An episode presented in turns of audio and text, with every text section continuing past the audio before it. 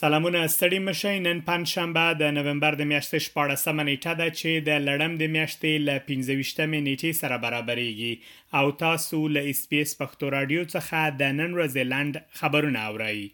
لومړي وزیر انتوني البنيزي اعلان وکړ چې سیاستوال به د غوره خدماتو وړاندې کولو لپاره په آزمایښتي ډول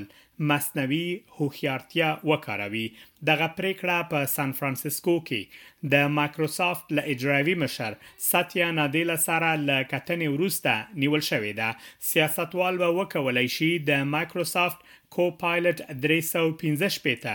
د مصنوعي ځیرکتیا څخه د شپږو میاشتو لپاره په آزمایښتي ډول استفاده وکړي او له هغې وروسته به ډیجیټل ترانسفورمیشن ایجنسي دغه کار وارزوي او وروستۍ پریکړه به ونیسي د امریکا ولسمشر جو بایډن او د چین ولسمشر شي جین پینګ له یو کال وروسته د ایپیک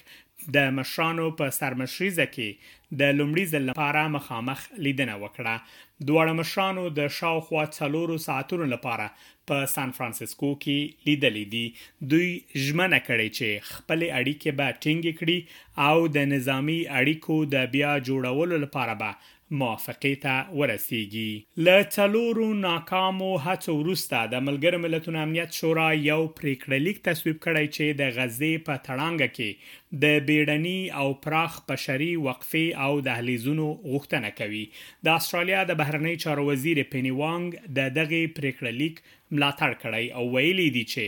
دا د غړو د یووالي یو مهمه تظاهر دی. په همدې حال کې په ملګرو ملتونو کې د فلسطیني ادارې دایمي استازي ریاض منصور پر ملګرو ملتونو د اسراییلو د حساب ورکولو لپاره د ناکامه هڅو لپاره نیوکه کړې ده.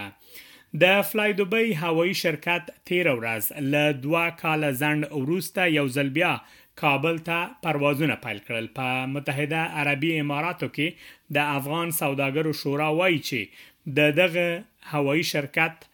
الوتنې د دغه شورا د سوداګرو او د اسلامي امارت د چارواکو د هڅو په پایله کې له سره پیل شوې دي. فلای دوبۍ شرکت اوس مهال په ورځ کې دوه پروازونه کابل ته ترسره کوي، مګر په پام کې ده ترڅو له راتلونکې میاشتې څخه د دغه شرکت پروازونه په ورځ کې څلورو ته ورسېږي.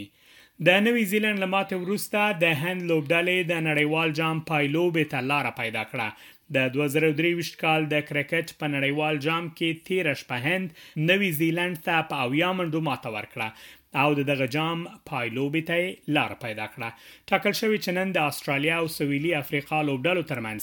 د هند په کلکتې کې دویمه نیمه پایلوبه ترسره شي د نن شپې ګټونکي لوبډله به د راتلونکي یکشنبې په ورځ